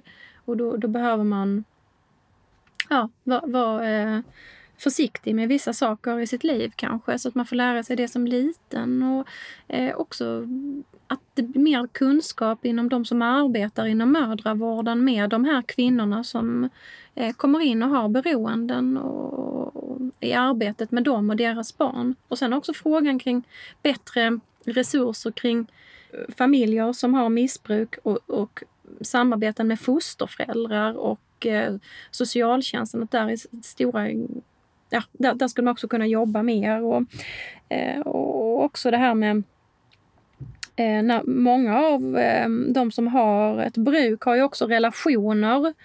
Och eh, vill man då ha behandling tillsammans så kan det vara väldigt svårt i Sverige att få behandling tillsammans idag. Utan det är kvinnor för sig och män för sig. Och det finns eh, några ställen där man har parbehandling, men det är inte många. Och likadant är det också med bostadsfrågan. Eh, det ser man ju också i filmen när det gäller Mona Lisa och Fredrik. De eh, får flytta hem till Fredriks mamma för att annars så skulle Fredrik hamna på ett härberge och Mona-Lisa på ett. De får inte bo tillsammans men de är gifta och lever tillsammans. Och, och då, då, pratade jag, då hade en visning för eh, socialtjänstchefer. Och så var det en som räckte upp handen och sa att ja men så här ser situationen ut. Det är så svårt att hitta boende till par. Det är lättare att hitta till bara man och till bara kvinna men inte för ett par. Och då, då kan det också bli eh, trista placeringar helt enkelt.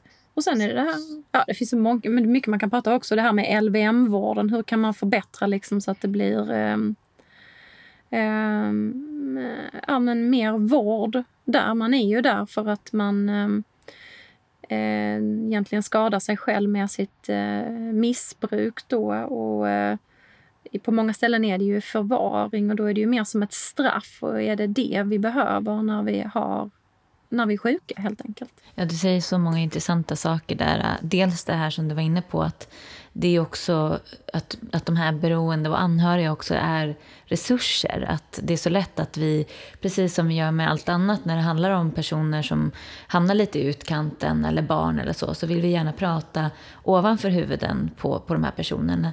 Men att man istället ska använda dem som resurser i sin forskning och fråga de här personerna hur de upplever det, hur de har haft det. Vad är viktigast för dem för att kunna gå vidare eller, eller bearbeta? Ja, och det är så viktigt för att, och det här att prata ovanför huvudet är ju alla människor jättekänsliga för. Eh, så när vi har ju haft visningar då när det har varit socialtjänstchefer, kriminalvården och, och poliser och så. Och med tillsammans med de med brukarerfarenhet och där man verkligen har efterlyst det här. Eh, brukarna har efterlyst, men hallå, vi sitter med kanske 20 år i bagaget. Vi har mött eh, både vård och behandling, instanser och vi har eh, erfarenhet av vad som har fungerat när det gäller metadon, subutex, eh, inte och så vidare.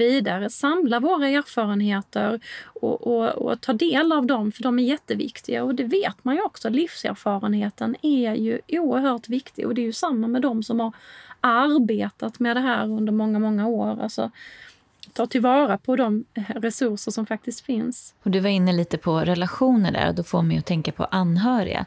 Vad har du fått för reaktioner utav de anhöriga som har sett filmen? Det har varit väldigt olika. Eh, det är när vi har visningar och, och, och, jag har varit med och så, så får de ju ofta ställa frågor och då är det alltid eh, flera anhöriga som eh, liksom delar med sig av att de känner igen det här och hur lätt det är att bli medberoende när man har någon man älskar som har ett beroendeproblem. Och, ehm, och hur gör man? Och en del berättar om att man till och med har hjälpt till att finansiera missbruk för att man är rädd att personen ska dö om den inte får eh, sin eh, får, får drogen då så att säga. För att mm, får du inte heroin och har gått på det väldigt, väldigt länge så eh, kan man ju eh, bli oerhört sjuk. Och då hur de, och också de säger att ja, man kommer med massa matkassar och man vill att de ska ha det bra och man försöker hjälpa till men hur det kan gå ut över ens eget liv eh, enormt mycket. Och eh, hur lätt det är att eh, bli medberoende. Så det är ju inte bara... det är många ringar runt den som har ett beroende. Eh, och ehm, men, men det är en del anhöriga blir också... Det är ju faktiskt fått många brev ifrån eh, barn eh, som har skrivit, eller så här, tonåringar har det varit som har skrivit. Eh, för Mona Lisas son är ju med i filmen. Eh, han är ju stor idag, men han är med när han är mindre och då är det flera som har skrivit att ja, min mamma är har, dricker hela tiden och jag vågar inte berätta om detta i skolan och vad ska man göra? Och, så det kommer ju såna här eh, brev till oss. Eh, och eh, också ifrån Eh, Eh, föräldrar som skriver att de är oroliga för sina barn och där barnen ligger intagna på LVM och hur LVM-vården ser ut. Är det någon vårdare egentligen och vad händer och vad ska man göra? Så att, eh, och det här händer, det kommer någonting nästan varje dag som det har varit nu sen filmen har släppts. Det, med, med människor med som, har, som är anhöriga. Och det är ju en jätteviktig grupp i samhället för det är så mycket skam och skuld där också. Har man misslyckats som förälder när man har eh, ett barn som eh, får beroende? Är det mig det är fel på för som förälder? Och mycket sådana frågor. Och också ett barn då ur ett barnperspektiv, vad kan man göra? För många gånger tar de ju stort ansvar för sina föräldrar och blir förälder till sin förälder. Försöker snygga eh, till på ytan, att det ska se bra ut utifrån. Och, ehm, Alltså det är jätteviktigt att se, se de här barnen i tidigt skede. Ge den hjälp och de resurser som behövs. Så det här är ju... Um, ingen, det kan aldrig diskuteras för mycket det här tycker jag. Just det där som du pratade om där med, med anhöriga som, som barn eller föräldrar barn. Man kan ju vara medberoende oavsett du lever i en mm. relation eller du är förälder till eller barn till någon med missbruk eller, eller annan dysfunktion. Liksom. Men det vi brukar säga, en sån här grej som återkommer, eh, som jag märker nu när samtal kring medberoende, så är det lite den här jämförelsen med när man sitter på ett flygplan och så kommer den här syrgasbilden upp där det är tydligt då att vi måste sätta på syrgasen på oss själva innan vi kan hjälpa någon annan. Och det där är liksom en typisk medberoende cirkel, att vi hela tiden försöker sätta på syrgasen på andra. Och det till slut så gör det så att vårt syre tar slut. Och då är vi inte till hjälp till någon annan. Men det är så svårt att förstå det i verkligheten, för att du ser bara elden som måste släckas där borta och förstår inte hur mycket det här sätter sig i oss. Och, och som barn som blir medberoende så är det ofta någonting som ligger bakom att barnet senare som, som vuxen utvecklar ett eget beroende. Och det kostar ju samhället massor av pengar. Så det är ju, som du säger, det är såna otroliga summor, det är såna otroliga eh, alltså en stor problematik. Det är så många som är drabbade och framförallt väldigt många som är anhöriga till, till eh, personer med beroende. Och så. Ja, nej, men jag tycker man skulle ha det här som ämne i skolan, en stor kurs som faktiskt behandlar detta och där man diskuterar detta. och eh, ehm, alltså jag menar, det är inte för tidigt att visa detta för barn, för de barnen som har erfarenhet. Jag tänkte på också eh, det här med Susanne Ostens film, eh, att man inte får visa eh, de här sakerna för barn som är under 15 år. Jag menar, de här barnen lever ju med psykisk ohälsa. Det är en jättestor grupp i samhället som lever med psykisk ohälsa omkring sig, som lever med missbruk omkring sig eh, varför ska man liksom upprätthålla en bild av att det är skamfullt och fult det här? Det är, det är fruktansvärt.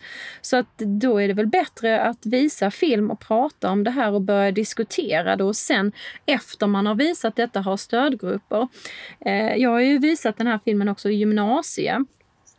Och då är det vissa som Eh, och då har vi gjort så att det har varit en kurator på plats som har kunnat fånga upp en del eh, ungdomar för att eh, de har blivit ledsna och det har berört saker i dem, att filmen har berört saker i dem.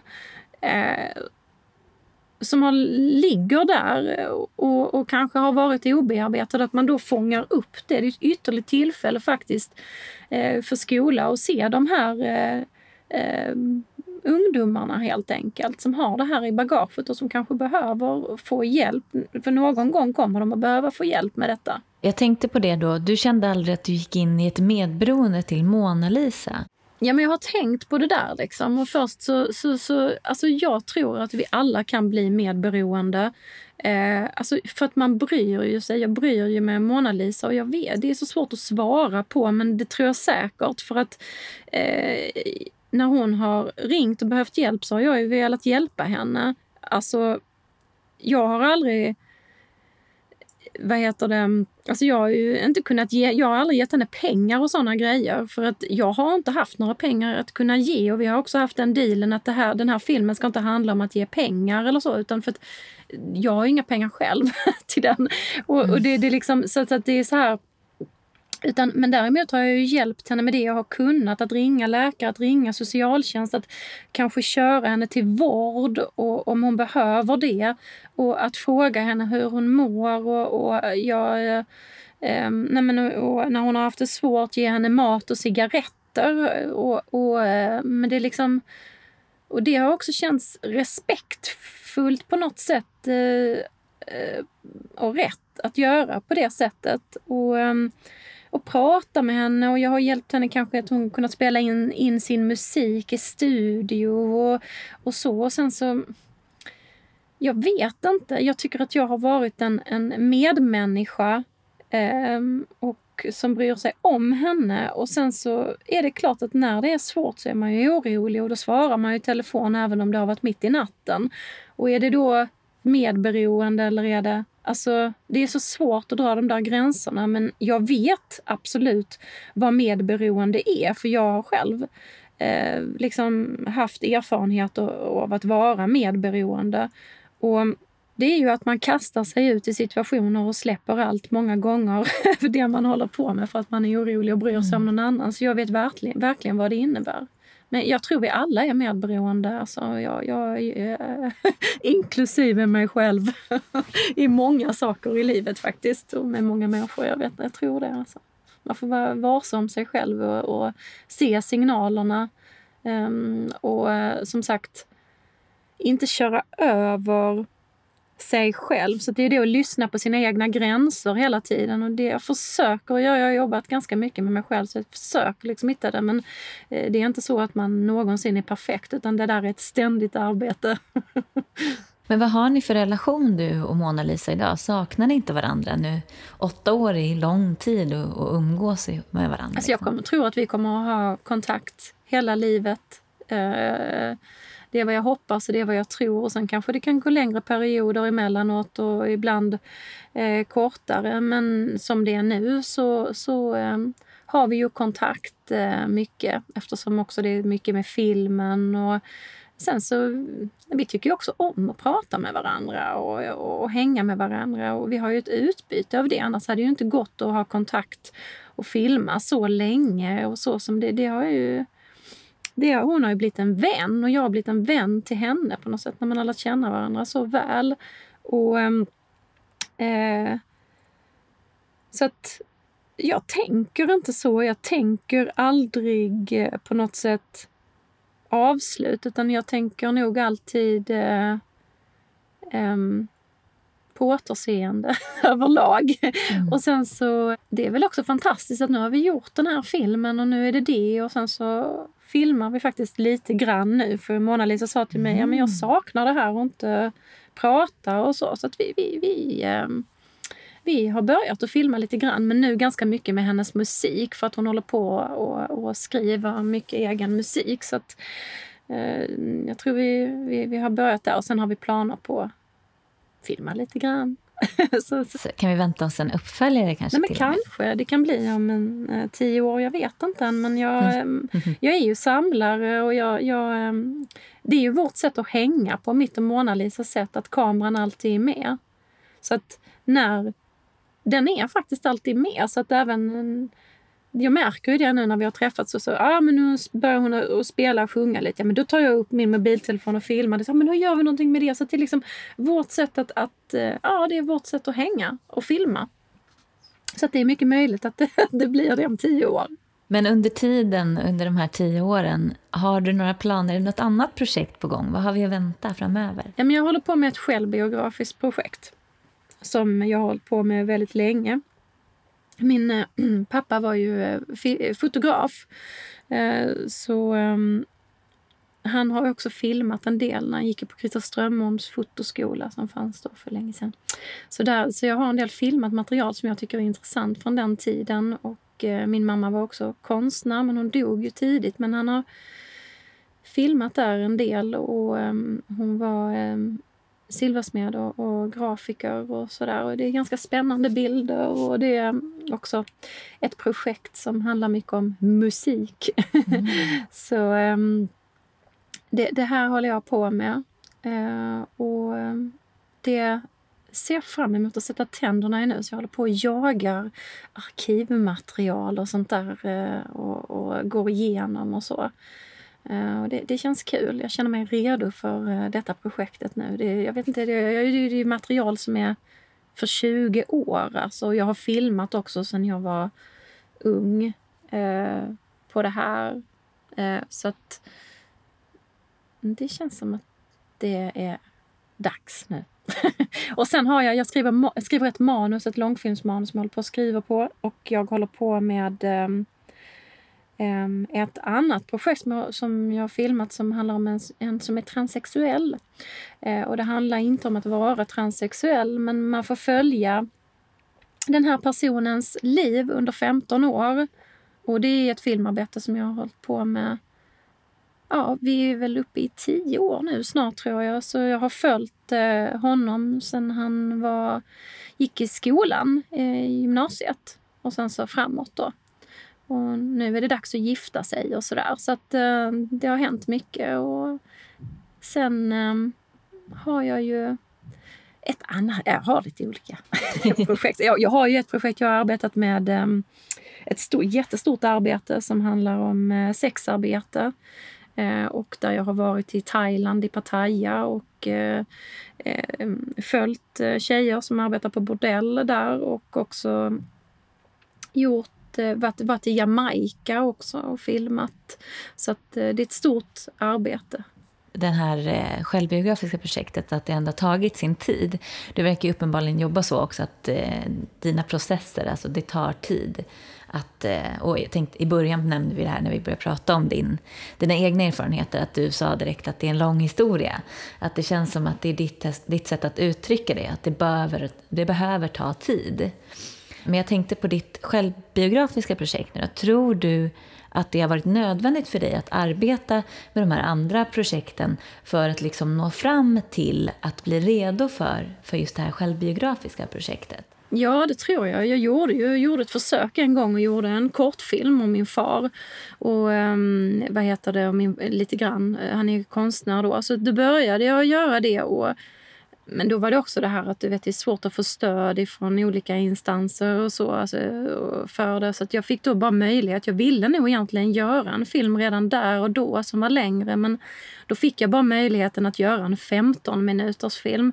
och då, då kändes det, då tappade jag lite lusten och sådär. Men då, då var jag igång och filmade. Men, så att, och, och ehm, jag vet inte om jag hade svårt att förklara då för de som eh, liksom ger stöd och så vad det här egentligen handlar om. Och sen är det ju också så att ju mer erfarenhet man har och så, så är det, kan det också vara att folk tror på en på ett annat sätt. Jag vet inte, det var ganska tidigt i, i, i mitt liv. Jag höll på med den där filmen. Och, men jag kanske inte heller var riktigt redo. Jag tror det har hänt så himla mycket mer med mig själv. Och eh, Eh, så att den här filmen kan nog bara bli mer intressantare nu. Och det, nu handlar det inte...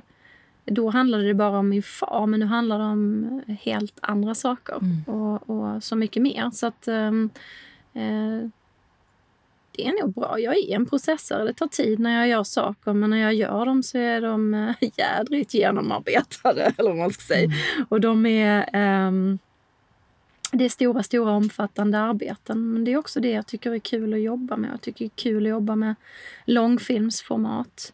Eh, och jag tycker om att jobba med mycket material och så. Men varför tror du att just filmen var ditt eh, konstnärliga verktyg? Ja, ehm, det är så märkligt. Jag hade aldrig i hela mitt liv trott att jag skulle arbeta som filmregissör eller dokumentärfilmare. Jag var liksom säker på att jag skulle bli psykolog och jag pluggade också psykologi och psykosyntes.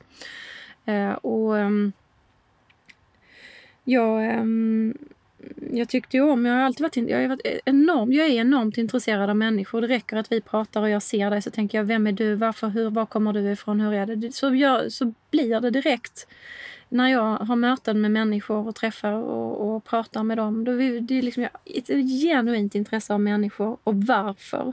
Och Det handlar också säkert om en spegel, att förstå mig själv. Vem är jag? Varför? Varför är jag här? Vad är det här? Och alla likas värde och sådär. Men, så det där har jag med mig, intresset för människan. Och jag, eh, men sen så är det ju att jag har ju växt upp med två konstnärer. Och ehm, kanske var det också därför jag ville bli psykolog. Jag vet inte. Att det har varit så mycket som har varit annorlunda i min uppväxt. Och um, jag har fått möta så mycket annorlunda människor. Eller annorlunda, men, men ja, mot det, det, det som på många sätt, ja. Um, och um, så att, men så, så, var det ju det att min mamma gick bort så tidigt i mitt liv och det påverkade mig väldigt mycket. Och, eh, så att för att ta mig igenom den smärtan och sorgen, det som att förlora någon man älskar, så började jag ju att dokumentera henne. Hennes eh, död helt enkelt och cancern och vad det var. Och, och det var mitt sätt att närma mig eh, jag kunde liksom inte ibland, det är svårare ibland för mig att hitta ord på allting men i bilden så är det lättare för mig, eller i det skrivna ordet på något sätt när man, när man får skriva ner sina känslor. Men, eh, så, så då blev det liksom att jag började använda stillbilderna och sen, så, och, och sen blev det ju att, att um, grejen var ju att jag hade en dröm när hon hade dött. Som um, där um, jag hörde hennes röst i mitt öra. Alltså jag vaknade av att jag hörde hennes röst så högt i mitt öra. Och då sa hon, sätt på radion Jessica, sätt på radion. Det är viktigt. Och då satte jag på radion och då var det det här att hemlösa skulle få eh, tandvård i Stockholm. Eh, ett samarbete med tandläkarhögskola och eh, eh ja, människor då som levde i hemlöshet. Så då ledde det till att jag hörde den här rösten i mitt öra och så ledde det till att jag bara tog min kamera och åkte till det här stället där det, var, eh, det här projektet var. Och så lärde jag känna eh, människor som levde i hemlöshet och började dokumentera dem med min kamera. Och sen så, alltså, det, skulle, det var ett fotoprojekt som handlade om hemlöshet då, att vara hemlös. Så här. Och, ehm, och sen så blev det ju det jag sökte vidare in på Filmhögskolan med sen. Både det här eh, om min mamma och dels om eh, ehm, Eh, att vara hemlös. Eh, och, mm, och sen nu kan jag se i efterhand med den erfarenheten jag har att det är inte så konstigt för att eftersom jag har växt upp med ett fotolabb omkring mig där min far har stått med de här mm, vätskorna som fanns på den tiden när man fick se hur bilden växte fram och samtidigt min mamma med allt sitt smide och hantverk och så. Och det här eh, Eh, så kan jag se att det är väldigt likt egentligen det jag gör, för jag jobbar ju med tusentals bildbitar som ska sättas ihop till ett, ett verk. Och det är ett enormt konstnärligt arbete som tar oerhört mycket tid.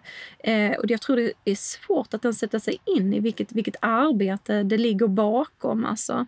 Men, eh, så jag ser ju att jag själv har blivit hantverkare Eh, fast med det jag kommer Så jag tror där vi kommer ifrån, det, det, betyder mycket. Ibland så ritar jag, ibland när jag föreläser så brukar jag rita upp ett träd. Att vi alla har liksom eh, ett träd med, med, med, med var vi kommer ifrån och vad vi har för erfarenheter. Och det är också det att eh, det Alltså, där har vi ju någon slags inre kunskap som vi fått med oss när vi var små. Så att, eh, jag kan också se det som erfarenheterna och så, det, det är väldigt värdefulla bitar eh, att jobba med när man också börjar med det konstnärliga på något sätt. Att hämta, för då berör det ofta någon annan. När man hämtar det inifrån sig själv och sitt djup och sin själ och den man är så, så förstår man att det här berör andra människor också på något sätt. Men det märks också i ditt sätt att filma att det finns en slags förståelse av människan. Alltså jag tänker det här, eh, dina psykologistudier och så känns som att för mig eh, märks de någonstans ändå också. Det är viktigt i ditt sätt att filma också att det finns ett förtroende mellan dig och den du filmar. Och den här eh, drivet att verkligen vilja förstå. Det känns som att för att stå ut så länge så måste, måste man verkligen ha det där intresset som du beskriver. Men sen är det ju så också att filmen, eh, bortsett från att den är jätteviktig och så otroligt berörande så är det ju också en jätte, jättefin film som har fått jättemycket fin respons. Ehm, och därför så är det ju ytterligare ett skäl för folk att gå och se filmen. Var kan, om det är någon som är intresserad av att titta på filmen, var kan, var kan man se den någonstans? Ja, alltså man kan ju kontakta eh, mig om man vill eh, ha, om man vill eh, Eh, att jag ska föreläsa och visa film. Man eh, kan skriva ett mejl till mig på info monalisastory.se om man vill ha föreläsning eller eh, man vill att eh, jag ska komma dit och prata och eh, visa film. Eller så kan man kontakta Triart som är distributionsbolag för filmen. Så eh, då, om man bara vill se filmen så kan man kontakta dem. Sen kommer ju filmen att komma ut i slutet på augusti, tror jag, eller början på september. Jag vet inte riktigt när exakt datum. Eh, men då kommer den att finnas på DVD och på VOD och sådär. Eh, och det är då Triart som håller i det också. Så, men då, då brukar jag uppdatera på eh, hemsidan som är ja, monalisastory.se när det är dags. Sen kommer ju filmen att visas på TV i höst. Eh, då, är det nog, eh, då kommer nog den långa versionen att ligga på SVT Play och då, de har ju så här med vissa regler för sändningstider på tv så då är det en kortare version som sänds på tv som är på 58 minuter. Men man ska se den långa, den är, den är ju så mycket eh, jag tycker den är viktig att se den långa. Det känns så tråkigt när man ska klippa bort en halv film. Liksom. Sen kommer den att ha eh, eh, biopremiär i Danmark till hösten. Och eh, den kommer att visas på Almedalen i sommar. Bland annat. Och så. Har du några såna här eh, sista tankar, om du får drömma lite? Vad önskar du att den här filmen får för effekt nu i samhället? Och du pratar lite på politiskt plan och sådär också. Om du får drömma. Alltså jag hoppas att så många politiker som möjligt som arbetar med vård, missbruk, behandling, beroende, mänskliga rättigheter eh, ser den här filmen så att man faktiskt börjar att se över hur vården och villkoren ser ut för människor med beroendeproblematik och för deras anhöriga. Eh, så att man faktiskt eh, eh, ja, att det, det kan bli bättre helt enkelt. Eh, villkor för den här gruppen av människor. Ja, och att kunskapen ökas om det här. Och eh, att man också tittar, jag nämnde ju en massa olika bitar som filmen tar upp och att man tittar på de här bitarna helt enkelt. Och jag önskar att eh, den ska användas i skolor i förebyggande syfte mot narkotika, att man liksom diskuterar det här. Eh, jag önskar att den ska användas inom vården, inom mödravården, inom socialtjänsten, på Polishögskolan, eh, kriminalvård, eh, beroende och eh, alltså att den används och eh, kanske inte bara i Sverige utan även i andra länder. Och sen önskar jag att filmen får ett långt, långt liv. För det är ingen film man bara gör. Den är inspelad under så många år. Och det är första gången i Sverige då som det görs om en kvinnas historia.